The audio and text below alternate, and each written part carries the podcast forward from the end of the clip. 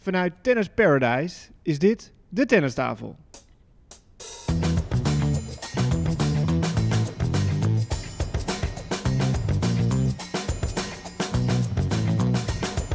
Please take your seats quickly, ladies and gentlemen.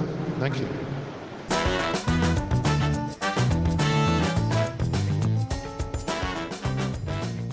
Goedemorgen David. Eh, ik zit hier met een maandagochtendstem, maar volgens mij is het bij jou eh, midden in de nacht. ja, het is tien voor één. Ja, we doen het eh, met z'n tweeën. Abe is er vandaag niet bij. Ehm, jij zit in Indian Wells. Ja, ik zei het al in de inleiding, het tennisparadijs. Vertel. Ja, dat is de officiële bijnaam. Tennis Paradise. Ik denk dat de mensen die het toernooi volgen op tv, die eh, ontkomen er ook niet aan. Want het wordt eh, links en rechts eh, in beeld gebracht. En ook uitgesproken door de speakers en dergelijke. Ja, dit is echt Tennis Paradise. Ik kan bevestigen, zoals ik dat vorig jaar ook al had gedaan. Het blijft elke keer weer een wonder. Dit. Het is werkelijk waar. Het, blijft een plaatje. Het blijft een onecht idee. Zeg maar hoe dat hier allemaal erbij ligt en eruit ziet. En het is waanzinnig. Ja, dat is echt een bucketlist voor iedereen die echt een ja. tennisliefhebber is. Zet het op je lijstje. 100%. Het is veel beter en mooier dan je je kan voorstellen nog. En ik ben er nu al, wat is het, drie keer geweest. En elke keer zit ik weer, als ik dan een bepaalde richting op kijk en die uitzichten zie, denk ik, ja, godver, hoe is het mogelijk? Hè? Ja, want het blijft zich ontwikkelen dus ook, het toernooi nog. Nou, het toernooi op zich niet eens, gewoon de ligging weet je, met die achtergrond, met die bergen en die palmbomen en dan die sneeuw op die bergen op de achtergrond. En op de voorgrond heb je dan die palmbomen. En dan wordt er nog uh, tussendoor getennist. En dan zie je in één hoek, zie je op een heel klein gebiedje, zie je dan vier baantjes bij elkaar liggen. Waar dan tegelijkertijd de ene topper met de andere staat te trainen. Het was bijvoorbeeld één dag uh, dat op één baan staat dan Nadal met Tsitsipas te trainen. Daarnaast staat Medvedev met Alcaraz te spelen. Baantje verderop is het Azarenka en Golf. Kerber, Sviontek. Dat is allemaal zo goed en slim aangelegd dat je ook het gevoel hebt dat je niet alleen qua uitzichten in Tennis Paradise bent, maar ook gewoon tennis technisch. Van ja, beter wordt het niet. Nou, er zijn natuurlijk ook uh, Nederlanders bij, gelukkig. Daar gaan we het zo over hebben. Maar wie er niet bij is, laten we die nou meteen benoemen. Ja, Novak Djokovic. Maar het vreemde was, hij stond wel in de loting gewoon. Ja, tot het allerlaatste moment onderaan, hè, als tweede geplaatst. Want Medvedev de nummer 1. Wonderlijk, want iedereen wist natuurlijk dat hij er niet in zou kunnen komen, omdat hij het land gewoon niet in mag. Dus het was, wat was het, een pesterij. Ik mag niet meedoen, dus ja, dan saboteer ik even de gang van zaken bij dit evenement waar ik uh, niet bij mag zijn. Ja, er kwam uiteindelijk een statement van, uh, ja, op het laatste moment hebben we nog uh, contact gehad en het kon allemaal niet. Dus ondanks dat ik automatisch toegelaten werd, kan ik toch niet van de partij zijn. Het lelijke is natuurlijk dat hij het ook voor de loting had kunnen zeggen van, of zich kunnen afmelden. Want dan maak je dus ruimte voor iemand anders die dan net in het toernooi komt. En ook in de kwalificatie iemand die dan doorschrijft. En voor die gast is het super belangrijk. Ja, maar hij houdt dus volgens mij de schijn op van dat hij tot het laatste moment nog probeerde erin te komen. Maar ja, er is geen wijziging gekomen in de regels. Ik mocht uh, niet meedoen, dus toen het uh, niet meer langer kon duren, heeft hij zich eruit gehaald. Nou, ik begreep dat hij misschien probeerde met de auto te komen of zo. Dat je dan naar een ander naar Mexico vliegt of zo en dan met de auto gaat rijden. Want dan uh, hoef je niet gevaccineerd Oh, oké, dat heb ik gemist. Want dat is wel iets hoor. Het is hartstikke leuk om hier te zijn. En heel veel dingen pak je natuurlijk fantastisch mee. Maar heel veel dingen heb ik ook het gevoel, uh, wat je normaal gesproken gewoon thuis vanaf de bank uh, via Twitter en via andere bronnen binnenkrijgt, dat mis je daar dan. Want je bent hier natuurlijk ook bezig met allerlei collega's en met vrienden die je dan lang niet uh, gezien hebt. En persconferenties ja. steeds heen en weer hollen. Ja. ja. Nou ja, laat ik je dan even bijpraten. Heb je dan wel meegekregen dat uh, Zverev een uh, onvoorwaardelijke schorsing uh, boven zijn hoofd hangt? Ja, ja, dat heb ik meegekregen. Ja, ik heb hem net gezien, want ehm, laat op de avond zojuist verloor hij van Tommy Paul. Dus ik heb hem in actie gezien zelfs. Ja, jij zat natuurlijk klaar voor Tommy Paul. Ja, ja. Tommy Paul. Ja, hij blijft maar leveren. Ja. Niet alleen Tommy Paul, ja. maar daar komen we straks op. De schorsing. Ja, Zverev, nou, we weten, we hadden het over die uh, woede-uitbarsting. Dat hij zijn racket uh, in tweeën sloeg op de umpirestoel en dat de umpire echt zijn benen moest intrekken hij moet zich een jaar netjes gedragen. Wilde zich weer uh, in de fout gaan, dan uh, hangt een schorsing van twee maanden boven zijn hoofd. Uh, ja, er wordt veel gezegd dat het veel te laf is, veel te zwak is, die straf die je gekregen hebt. Wat vind jij ervan? Ja, ik vond wat hij deed vond ik wel ernstig. En, en zeker ook omdat er een scheidsrechter nou, in gevaar gaat misschien ver, maar ja, die werd wel een soort van aangevallen. En, en als dat de manier is hoe je met scheidsrechters om mag gaan, kennelijk, en dat dat slechts dan een voorwaardelijke straf oplevert, ik weet niet of dat een heel prettig uh, signaal is voor umpires. Dat dit dus kennelijk, nou ja, oké, okay, dus niet, maar niet ernstig genoeg ja. bevonden om, uh, om echt iets te doen. Ik denk als het andersom was, als die umpire voor zijn stoel komt en uh, die trapt het bankje van Zverev in elkaar, dat die umpire nooit meer werk heeft. Nee, precies. het is wonderlijk en ja, Ik denk dat die ATP misschien ook denkt van, nou, we hebben dat gezeik met Djokovic nu en dan nu ook dit erbij. En eh, zoveel verschillende vervelende dingen die, eh, die gebeuren voor de brand ATP. Maar goed, tegelijkertijd is dit beter voor de ATP, voor de uitstraling dat ze dit doen. Misschien is het nog wel slechter. Ja, wat is? Want ik, heb je een beetje opgevangen hoe daar de collega's ermee omgingen? Of, of de journalisten, wat die eh ervan vonden? Nee, ja, nee, dit is gewoon consensus dat het een hele slappe maatregel is. Het is Ja. natuurlijk te gek voor woorden dat wat we gezien hebben slechts twee weken geleden of zo, dat dat gebeurde in Acapulco. En eh, hij staat gewoon weer hier zijn gang te gaan. Ja. Maar ja, kennelijk heeft het wel ook iets met hem gedaan, want hij, eh, ging eraf tegen Tommy Paul. Ja, Nou ja, je hebt denk ik ook genoten van Botik van der Zandschulp. Potverdorie. Hier in de nacht. ja, jongen, jongen. Ja, wat een wedstrijd. 3 uur 15 minuten. Had eerder kunnen aflopen, hè, want hij had al drie matchpoints in de tweede set. Maar ja, hij stond gewoon zo goed te spelen. Hij won uiteindelijk in drie dus. En dat was in stadion 4. Dat was bloedheet. Het was, ja, het begon rond 12 uur een beetje, lunchtijd. En het was 27 graden op dat moment. En gaandeweg werd het eh, steeds warmer. Op momenten echt vol, dat stadion. Ja, mensen gaan een beetje, weet je, lopen een beetje rond. En als ze dan zien dat het hier spannend wordt, dan stroomt ineens het stadion weer vol. En als het dan weer begin van de set is, dan wordt het wat rustiger. Maar het waren die beginperiodes van de verschillende sets waarin Botik zo goed speelde. Want hij brak meteen aan het begin van de wedstrijd. Meteen aan het begin van de derde set eh, plaatste hij ook een break. Nadat hij ja, toch redelijk zuur die tweede misschien verloor. Omdat hij die matchpoints eh, had. Maar ja, eerlijk is eerlijk, Felix die speelde op dat moment ook eh, waanzinnig goed. Op die belangrijke momenten, al die matchpoints, die ja, pakte hij zelf op eigen houtje. Zei Botek ook in afloop toen ik hem sprak. Ja, daar kon ik eigenlijk niet zo heel veel aan doen, dus was makkelijk accepteren. Eh, maar ja, des te sterker dat hij dus nadat hij even een toiletpauze nam na die tweede, zo sterk eh, weer startte. Eh, hij erkende wel trouwens dat hij op het toilet even moest denken aan die wedstrijd tegen Dimitrov in Australië. Dat hij ook matchpoints had en uiteindelijk verloren. Hij dacht, dat gaat me toch niet nog een keer gebeuren. Maar nee, hij, hij deed het echt eh, fantastisch. En ik weet niet in hoeverre je die wedstrijd van begin tot eind hebt kunnen zien, gezien het tijdstip eh, voor jou. Maar de manier waarop was gewoon heel indrukwekkend. Want er was echt een periode van, ik denk een half uur, 45 minuten. Ik was het eh, een beetje half aan het bijhouden. Dat hij gewoon geen onnodige fout sloeg. Hij was echt Ja. een absolute muur. Alles terugspelen, niet te veel risico. Op de momenten dat het kon, de trekker overhalen. Maar het was zo, zo vast op een gegeven moment. En ja, echt heel indrukwekkend. Want ja, Felix Auger-Aliassime, wat staat hij? Derde in de race. Ja, die is in de bloedvorm dit jaar. Het is echt een van de beste spelers van dit moment. En daar wint hij gewoon even van. Ja, nee, absoluut. En, en je noemt twee dingen, wat ik al belangrijk vind. Eh, hij accepteert. Nou, dat, dat heeft hij ook wel eens moeite mee gehad. Ja, En dan staat hij er toch weer, die derde set. Dus dat is al een leerproces waar hij in is. En wat je zegt, hij leert ook door ja, wedstrijden op dit niveau te spelen. Dat hij van Dimitrov dan dat verliest in zo'n derde set. En nu naar het toilet gaat en naar zichzelf zegt van... hé, hey, dit gaat niet nog een keer gebeuren en zijn tanden erin vastzet. Ja, dat is ook weer een leerproces waar hij in is. Zeker. En hij is gewoon heel erg bewust van zijn eigen kunnen. En ehm, ook in het interview, dat is trouwens voor Ziggo dat ik eh, hem spreek eh, na zijn wedstrijden... zei hij iets heel interessants. Want ik vroeg aan hem, eh, als we kijken naar jouw twee top 10 overwinningen... Hè, Rublev vorig jaar en nu Auger Aliassime. Ja, ik had een beetje een grappige bedoeling met de vraag van... Hè, wat is de overeenkomst tussen die twee? En de overeenkomst is dat het de twee afgelopen Rotterdam-winnaars zijn. Hè? Dat het steeds die gasten verslaat. Maar hij ging veel meer eh, in op, eh, op de voorhand en dat soort dingen en in technische zin. En na het interview onthulde hij eigenlijk, eh, wat misschien wel het interessantste was, waarom hij zo goed speelt tegen die twee spelers. Hij zegt omdat ze niet naar het net komen. Weet je, zij, zij staan toe dat ik dat verdedigende spel kan spelen. Ze kunnen natuurlijk allebei wel verleren en Felix komt best wel vaak naar het net. Maar ja, het, is, het is niet echt... Hij voelt geen druk, als het ware. Omdat ze gewoon achterin Ja. blijven staan. Dus hij kan gewoon elke keer die ballen terugprikken als het nodig is. Dus dat was wel een interessante technische, tactische aanwijzing van hem. Nou ja, hij speelt nu tegen Kesmanovic. Ja. Nou, dan zou je zeggen kansen, maar wat denk je ervan? Ik bedoel, Botik tegen lager gerangschikte spelers Nou ja. is nog niet een hele gelukkige combi. Kecmanovic die heeft eh, minstens zo hard moeten werken om de volgende ronde te bereiken. Want hij speelde bijna drie uur tegen Cilic.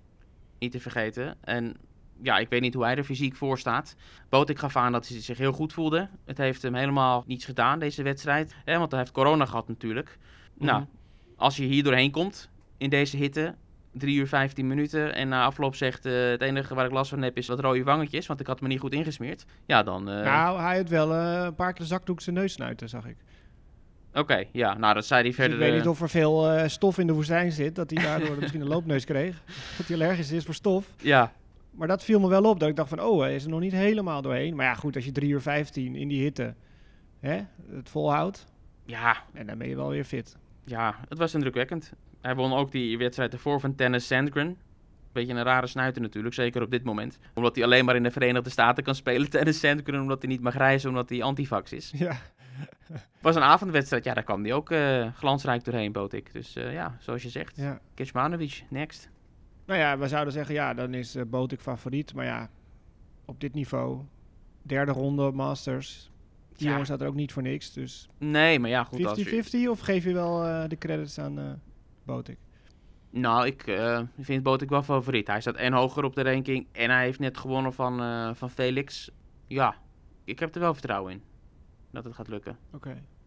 Nou ja, Botik op sto, maar Tellen, ja, eerste ronde. Sam Querrey, oud-gediende. Ja, Je, eh, vertel, je hebt vast eh, van dichtbij meegemaakt. ja, ja ik, ik zat in het stadion en het was eh, een heuse Davis Cup sfeer. Er zaten een paar mafkezen.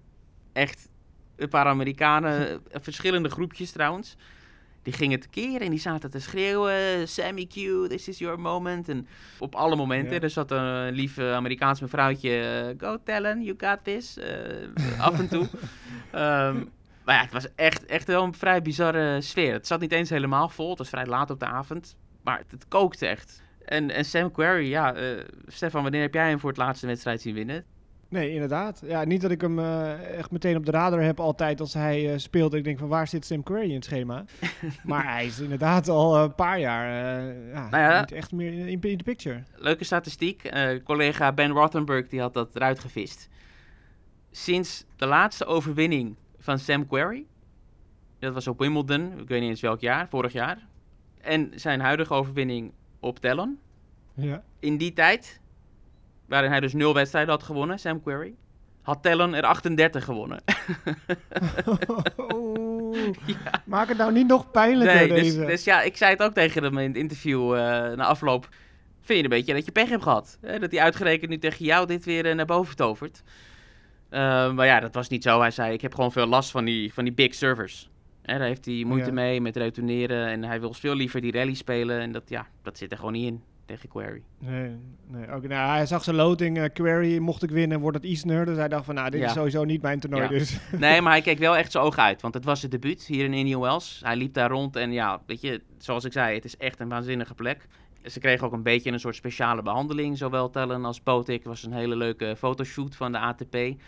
En dan moesten ze eerst even een kamertje in dat ze even wat vragen moesten beantwoorden voor de editorial. En dat is dan als je de ATP-website opent en dan hè, dat biografietje en zo ziet. Dat moest even geüpdate worden. Dus eerst daar wat vragen beantwoorden en toen inderdaad die, die fotoshoot ook voor die officiële plaatjes. En met de nieuwe kleding natuurlijk, nieuwe kledingsponsor. En dus dat was allemaal leuk. Omdat, eh, Nou, die jongens hoorden er echt bij. ja, tuurlijk, tuurlijk. En dat merk je ook aan de behandeling die ze krijgen. Ja. En, en blijft Tellen nu daar eh, trainen? Of is hij al naar Miami? Hoe, hoe werkt dat? Hij zou eigenlijk een wat kleiner toernooi spelen in Phoenix. Tussendoor, dat stond op de planning. Nou, dat eh, is niet doorgegaan. Eh, hij gaat gewoon meteen naar Miami. Naar het volgende Masters toernooi.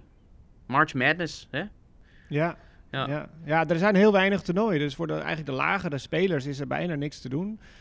Zeker voor de vrouwen niet. De mannen hebben dan nog wel wat challenges, ehm, zag ik staan op de kalender. Eh, nou, over de vrouwen gesproken. Aranska Rus, die ging ja, op papier verrassend onderuit. Maar wat weet jij van haar tegenstander? Volleynets, ja. Het is niet echt een hoogvlieger. Ze komt hier uit de buurt. eh, in Californië opgegroeid.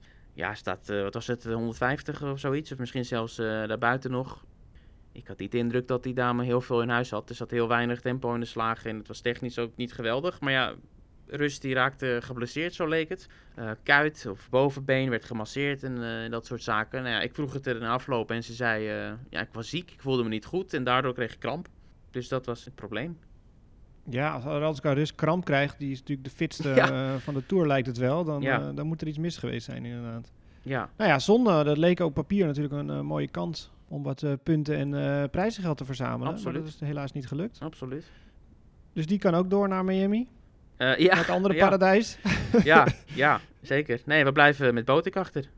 Ja, het is hartstikke leuk. En weet je, nogmaals, met Botik ook allerlei andere spelers en legends en zo, die eh, kennen hem steeds beter. Ik had eh, een kort gesprekje met John McEnroe ook over Botik. Hè, om John McEnroe over Botik van de Zandschulp te horen praten.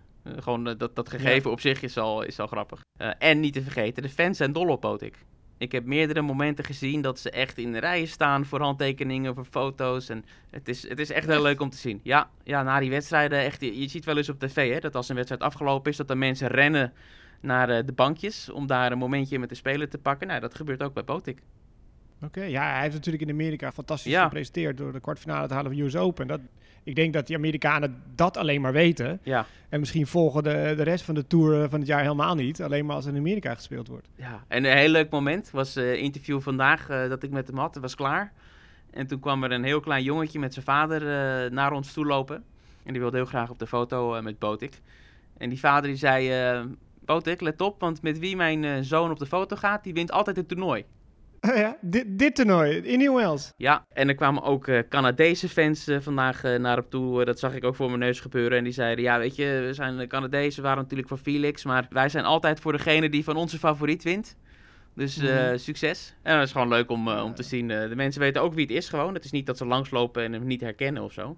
Iedereen weet inmiddels wie Potik is. Ja, wel mooi, want je hoeft alleen maar zijn voornaam te noemen. En iedereen weet wie het is. Ja, ja.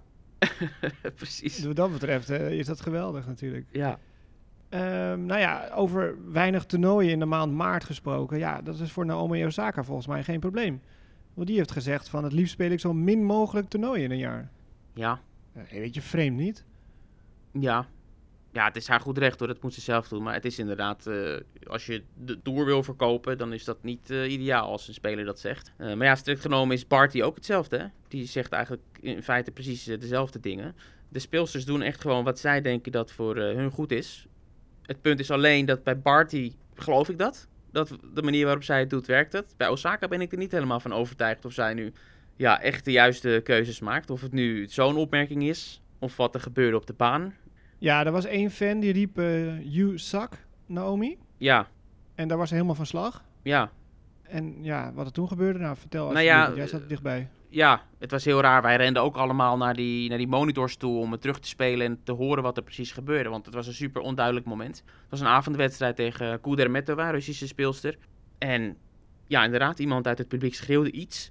Toen liep ze naar de umpire om verhaal te halen. En we konden weinig ervan verstaan. Behalve dat ze zei, mag ik de microfoon? Ik wil wat zeggen. Ja, ze wilde de microfoon van de umpire hebben. tweede game, hè? Dit is eh, of de derde game of zo. Wilden ze, op dat moment wilden ze even het publiek toespreken. Althans, diegene die eh, iets eh, geroepen zou hebben. Ja, Dat was haar natuurlijk. ex, die zat in het publiek. Die zei you suck.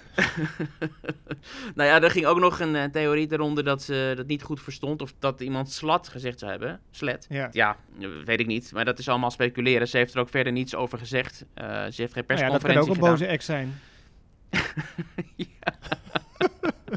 Ja, nee, dus het was wonderlijk. En op dat moment zei eh, de supervisor, ja, dat gaan we nu niet doen. Eh, met alle respect, eh, we kunnen nu Nee, niet ineens niet. dat gaan doen. Nee. En toen moest ze huilen. En ja, die wedstrijd die, die ging keihard de andere kant op. Kudermetova speelde echt waanzinnig. Niet te vergeten, het niveau was echt heel goed. En Osaka kwam ook wel beter in de partij hoor, gaandeweg. Maar Ja, ja, het was dus 0 tot 4. ja. Maar in afloop kwam het moment toch. Dat ze bleef zitten op de baan. Kudermetova deed haar eh, praatje eerst eh, met de interviewer. En eh, daarna mocht Osaka het woord nemen. En toen kwam het verhaal, hè? Nou ja, er kwam niet zoveel uit van haar. Tranen kwamen eruit. En ik wil jullie bedanken. En ze had een documentaire gezien over Venus en Serena... die op Indian Wells niet heel netjes zijn behandeld in het verleden. Ja, dus het punt wat ze wilde maken was... Ik ben wel vaker zo uitgejouwd. Er is wel vaker iets geroepen naar mij. Maar dat het hier gebeurt, dat heeft haar dus kennelijk getriggerd. Ehm, dat zij hetzelfde moet meemaken wat Serena en Venus destijds hebben meegemaakt. Ja. Ja. De consensus ook hier in de perskamer is wel van... Dit is even een stapje te ver wat hier nu allemaal gebeurt. Ik wil Ja. niet zeggen dat de emotie die ze voelde niet oprecht was. Want ze was aan het huilen. Ja, je weet natuurlijk niet eh, hoe iets binnenkomt bij iemand. Dus, dus dat wil ik niet aanvechten dat dat nep was of zo. Maar ja, dan, dan moet je misschien gewoon even een keer het slikken. Want zij is natuurlijk heel veel van als ik iets voel, dan, eh, eh, dan moet ik het even een, een punt van maken.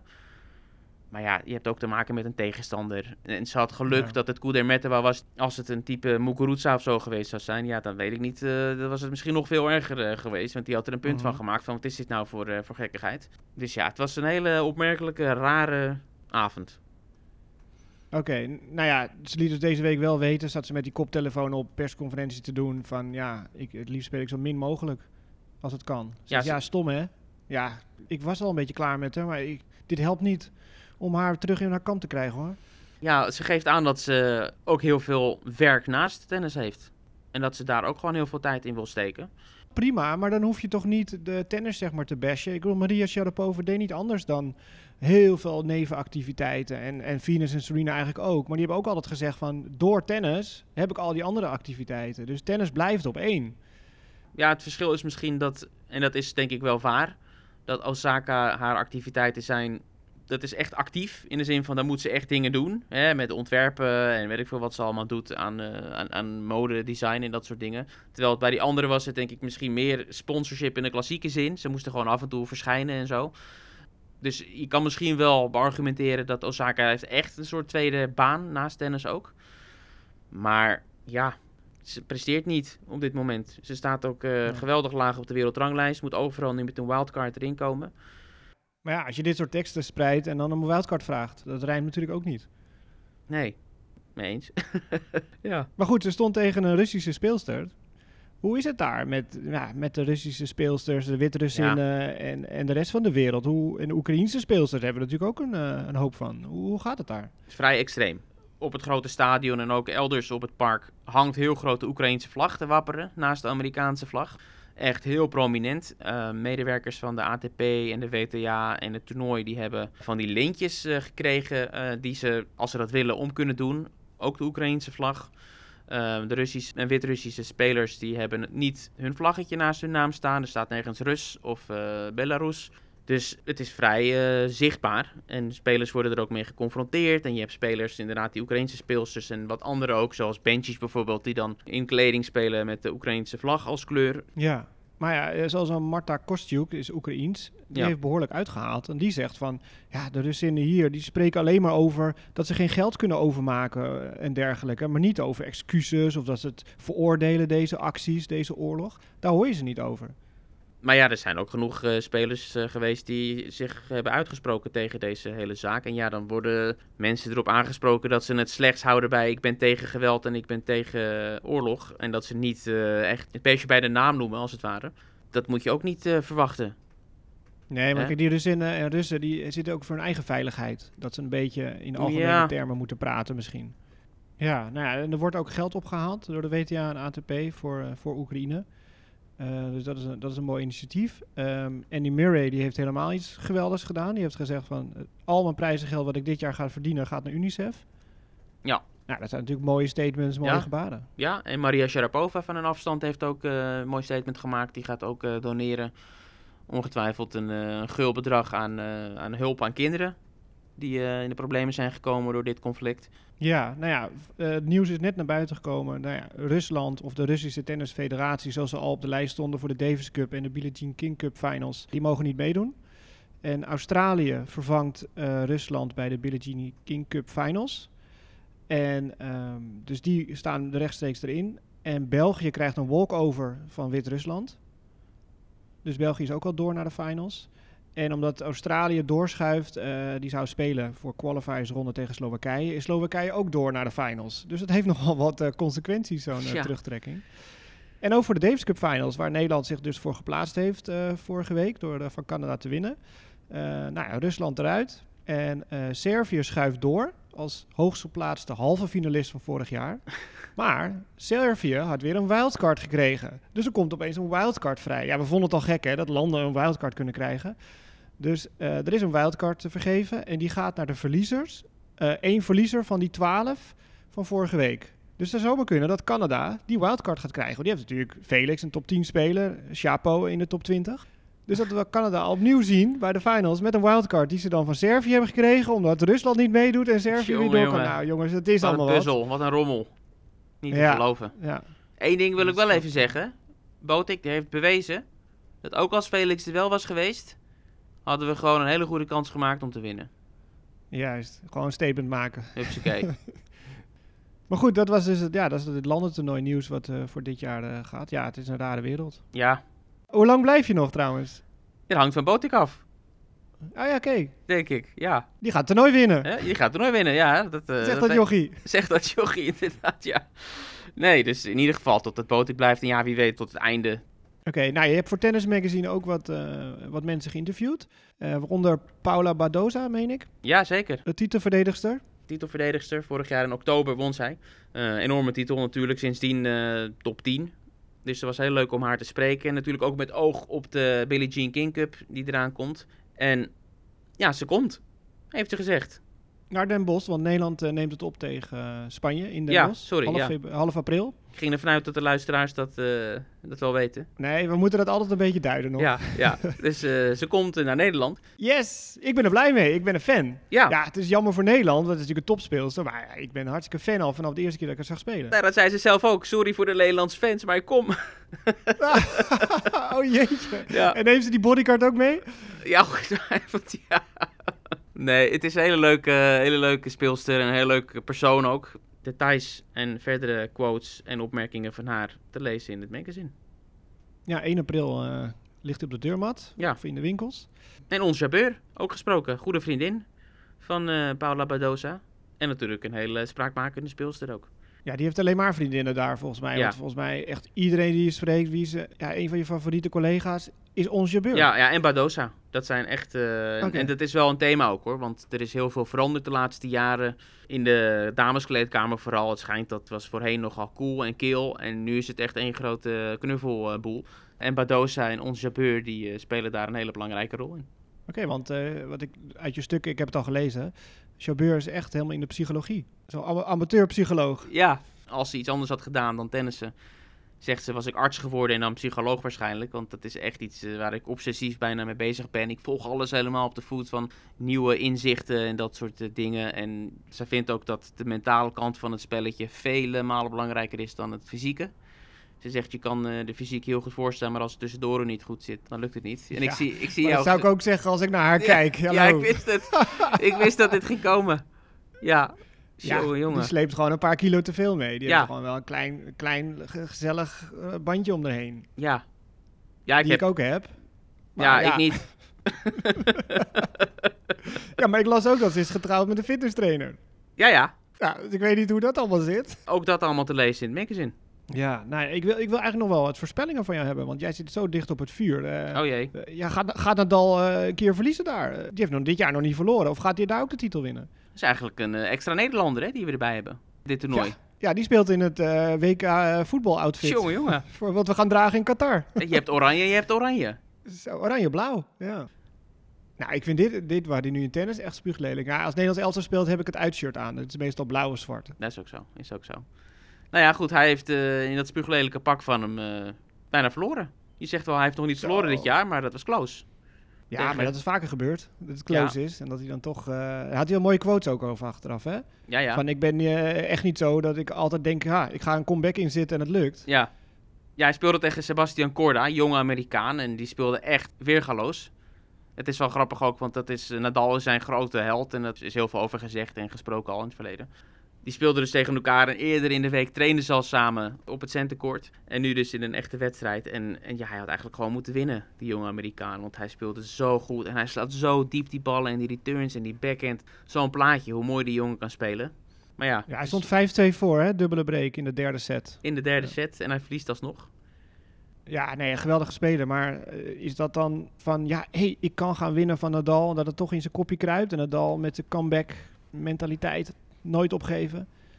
Ja, zeg Typisch het maar. voorbeeld. Zeg het maar, ja. Het is Nadal, hij doet het zo vaak. Ja, dit is wel een beetje een extreem geval, hè. 5-2 dubbele break voorsprong. Dat dit nog eh, kan gebeuren, maar Ja, tegelijkertijd... echt helemaal weggetikt, hè? Want die tweede set was 6-1, meen ik, voor Corda. Ja, Dus dat was, hij was echt gewoon 6-1, 5-2, dubbele break. Het was gewoon helemaal die kant op. En opeens... hij speelde ook echt niet Nee. goed. En eh, misschien is echt de tank leeg, want we hebben het er vaker over gehad. Eh, Waarom speelt hij in hemelsnaam al deze toernooien? Neem even een pauze. Eh, nou ja, die gaat hij nemen, want Miami heeft hij al aangekondigd, slaat hij over. Ja, voor de zoveelste keer. Ja, dus de tank die is denk ik wel een beetje leeg aan het raken. Al heb ik niet de indruk dat hij eh, tegen Dan Evans echt problemen zal kennen. Want dat is voor Nadal een hele mooie matchup. Qua speltypes, dat klikt allemaal precies in elkaar. Ja, ik vind altijd als Nadal speelt tegen iemand die niet al te groot is met de enkelhandige backhand, ja, die is kansloos. Ja, en voor wie de slice zo'n belangrijk element is. Ja, die kan je beter opbergen en gewoon helemaal niet gebruiken Ja. tegen Nadal. Daar heb je niks aan. Nee, zeker op die trage hardcourtbaan waar het daar is, hè. Het is echt heel traag. Dat zegt iedereen. En Nadal had ook nog een hele monoloog eh, over die ballen, ongevraagd. Het zijn die Amerikaanse penballen. eh, De number one ball in de United States. Ja, hij zegt, het is de bal, als ik hem sla, weet ik eigenlijk niet waar hij gaat landen. Oh, dat, oh, dat hebben wij ook. Ja, ja. Hij Met Wilsonballen of met headballen. maar ja, hij zegt met, met andere baltypes, dan, dan weet ik nog wel ongeveer als ik contact maak met de bal wat ermee gebeurt. Maar met deze is het elke keer een raadsel wat er gebeurt. Dus het was, eh, ja, was zo opmerkelijk dat hij daar zo, zo uitgebreid op inging. En eerder in de week, Talon op de training, die hoorde ik ook klagen over die ballen. Hij zegt het is onmogelijk om te slicen met deze ballen. Ja, dat is toch altijd wel een issue, hè? Overal waar al die toernooien, allemaal verschillende ballen. En ook ABN natuurlijk altijd dat eh, gedoe over die Technifiberballen. En nu weer penballen. Ja, Pennen hoort volgens mij bij het, dus eh, dat valt daaronder volgens mij. kan wel ja. Eh, maar dat, dat blijft gewoon een thema. En ook, ook fysiek is dat gewoon lastig, hè? Voor je arm. eh dat zal andere belasting door die ballen. Dat is echt, echt een issue, absoluut. Ja, ja. Dus los van het gevoel van waar landt die bal, maar ook gewoon fysiek is het lastig om steeds te schakelen met verschillende ballen. Zeker, zeker weten. Een leuk moment trouwens nog wel bij eh, Nadal. Wel leuk om te noemen, want voor het Badoza-artikel in Tennis Magazine... Ja, moet ik wat quotes inwinnen ook van andere lui. Nou waaronder Nadal. Die, eh, die vroeg ik om iets over Badoza te zeggen. En eh, ja, die begon een beetje zoals Nadal eigenlijk altijd begint over damestennis. Wat eerlijk is eerlijk, dat volgde niet echt op de voet. Dus hij begon een beetje algemeen. Maar ja, toen dacht hij, ja, het is toch Badoza. Dan moet ik toch wel even iets, iets meer brengen. Dus uiteindelijk kwam er nog wel een aardig antwoord uit. Eh, maar het leuke was dat ik vrij snel daarna sprak ik dus Badoza. En ik vertelde haar dat eh, Nadal iets over haar gezegd had. Nou ja, je had haar gezicht moeten zien. Ze zegt, oh, je maakt me nu echt met dag. Is, ik ben nu veel blijer met dit, dat hij weet wie ik ben en iets over mij gezegd heeft, dan die wedstrijd Oh, die ik net gewonnen heb. Dus dat was, eh, was leuk om te zien dat zo'n speelster, het is gewoon een top 10, eh, regerend Indian Wells kampioen, nog zo als een kind zo blij is dat iemand als Nadal ehm, zoiets zegt. Ja, zeker weten. Eh, ja, heb je nog nieuws daar vandaan? Eh, hebben we Indian Wells nu wel gecoverd? Nick Kyrgios. Die had een Nou ja, hele... daar staat goed te spelen trouwens, hè? Staat nou ja, wel, die eh, heeft echt een, eh, een hele opmerkelijke persconferentie ook gehad. Die zei, ik heb me nog nooit zo goed gevoeld. Nog fysiek, nog mentaal. Wees op het moment dat hij dat zei ook naar zijn vriendin die op de eerste rij zat. En die na afloop van de persconferentie eh en plein publiek eh, een, een goede pakkert kreeg eh, van Kyrgios. Eh, dus die is helemaal gelukkig. Die heeft het helemaal eh, Ja. voor elkaar en die, eh, die staat hier goed te spelen. Maakte nog een grapje over het greffelseizoen. Hij zei, ja, Parijs ga ik wel spelen. En toen had hij een pauze en toen zei hij... Ah, daar had ik jullie. Natuurlijk ga ik Parijs niet spelen. Ik speel niet op greffel. Ja. Ellendige ondergrond. Ehm, dus, dus dat was een opmerkelijk eh, moment. En ehm Eddie Murray had echt een heel grappig momentje dat hij vertelde over zijn kinderen. De vraag was, hebben je dochters in de gaten dat jij een grootheid bent? Dat je bekender bent dan eh, de gemiddelde ouder van de klasgenoot? En toen zei hij, nou ja, mijn oudste dochter, die zes, die pest mij. Door steeds eh, mij aan te spreken als Andy Murray. ja, klopt. dus dat was wel grappig. En vooral in het bijzijn van vriendinnetjes, hè? Ja. Dus hij zegt altijd, noem me gewoon dad. Ja, En ja, dan zegt ze expres Andy Murray. ja. En ja, nu komt het. Tromgeroffel. Nou ja, geen tromgeroffel, maar wel een, een groot moment voor de WTA. Want ze hebben een nieuwe titelsponsor in Hologic. Ja. Dat hebben we genoemd de Ja. vorige keer. Maar hier in New Wales was er een presentatie. En die werd gedaan natuurlijk door Mickey Lawler, de Nederlandse ehm, grote baas, samen met Steve Simon eh, van de WTA. En ook zij had wel iets grappigs. Ik sprak haar na een presentatie die ze deed over, eh, over Hologic. En ze gaf aan dat het is een vierjarig contract en het is een geweldige klik en het is ja, perfect. En dat we in deze moeilijke tijden zo'n sponsor hebben gevonden met wie we werkelijk op alle fronten op één lijn zitten. Helemaal geweldig. Maar ik moest wel een soort persoonlijk dingetje overkomen om die deal te tekenen. Want Hologic is een van de grote bedrijven in de medische apparatuur en medische vooruitgang en zo. Maar dat is Philips ook. En zij is een Eindhovense van huis uit. En Ja, haar ouders en haar vader of opa, of ik weet niet meer precies wie in de familie, die heeft jarenlang eh, voor Philips gewerkt. Dus dat is zo- zo'n familiekwestie van, oh, oh, oh, nu gaan we in zee met, eh, met een grote concurrent. En, eh, dus dat is nog wel grappig dat ze er zo tegenaan kijken. Maar ja, het is niet te onderschatten hoe, hoe blij de WTA is met, met deze deal. Dat is echt wel duidelijk. Nou ja, dat is misschien wel levensreddend.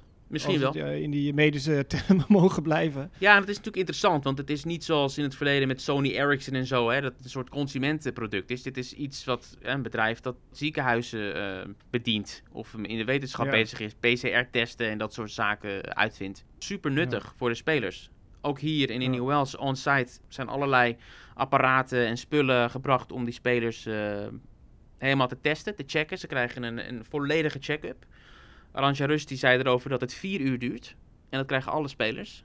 Dat ze gewoon eh, alles van hartfilmpjes tot noem maar op, psychische testen, alles wordt gedaan. Ja. Nou ja, hartstikke mooi nieuws. En eh, nou ja, ik zie jou eh, op televisie, of dus ik hoor jou op televisie bij Oh. Ziggo. En dan zie ik die eh, oranje, over oranje gesproken, microfoonknot, zie ik dan in beeld. En dan eh, hoor ik jouw stem. Eh, want jij maakt eh, ja, dingetjes voor Ziggo deze week. Ja, first and foremost die interviews met, eh, met de spelers. Ja. En nu is Botik over. En dat is hartstikke leuk om te zien hoe die gasten, eh, in dit geval dan Botik als eh, last man standing, dit soort nieuwe dingen bijschrijven op hun palmares. Want het is in zijn carrière natuurlijk een groot moment wat hij hier nu weer doet. Ja. Nou ja, ander groot moment. eh Libema Open gaat dit jaar door. Ik heb Marcel Hunze even contact gehad, de toernooidirecteur. En het gaat zeker door. Nou, fantastisch nieuws. Ja, absoluut. Ja, twee jaar niet, hè. Dat was echt gewoon ja, een van de weinige toernooien die dus, eh, twee jaar niet op de kalender heeft gestaan. Dus 2019. Ja. En spelers konden nog niet aankondigen. Maar kan je zo in één keer oplepelen wie heeft er gewonnen bij de mannen in 2019? De laatste toernooiwinnaar. Ja, dat is graaf, hè? Ik denk dat heel... Ik moest het ook even dubbelchecken. Ik wist het even. wel. Maar ik moest het wel even bevestigen voor mezelf. Manarino Ja, klopt, ja. Ja, ja. en tegen wie? tegen... Als je dit weet, dan, dan, dan eh, pet je af. Hij heeft een snor. Hij heeft eh, een Oh, tatoeage ja. op zijn spierbal. Ja, ja, ja, ja, ja, Jordan Thompson. Precies, ja. En, ja. en dan bij de vrouwen, nou dat weet je wel, denk ik.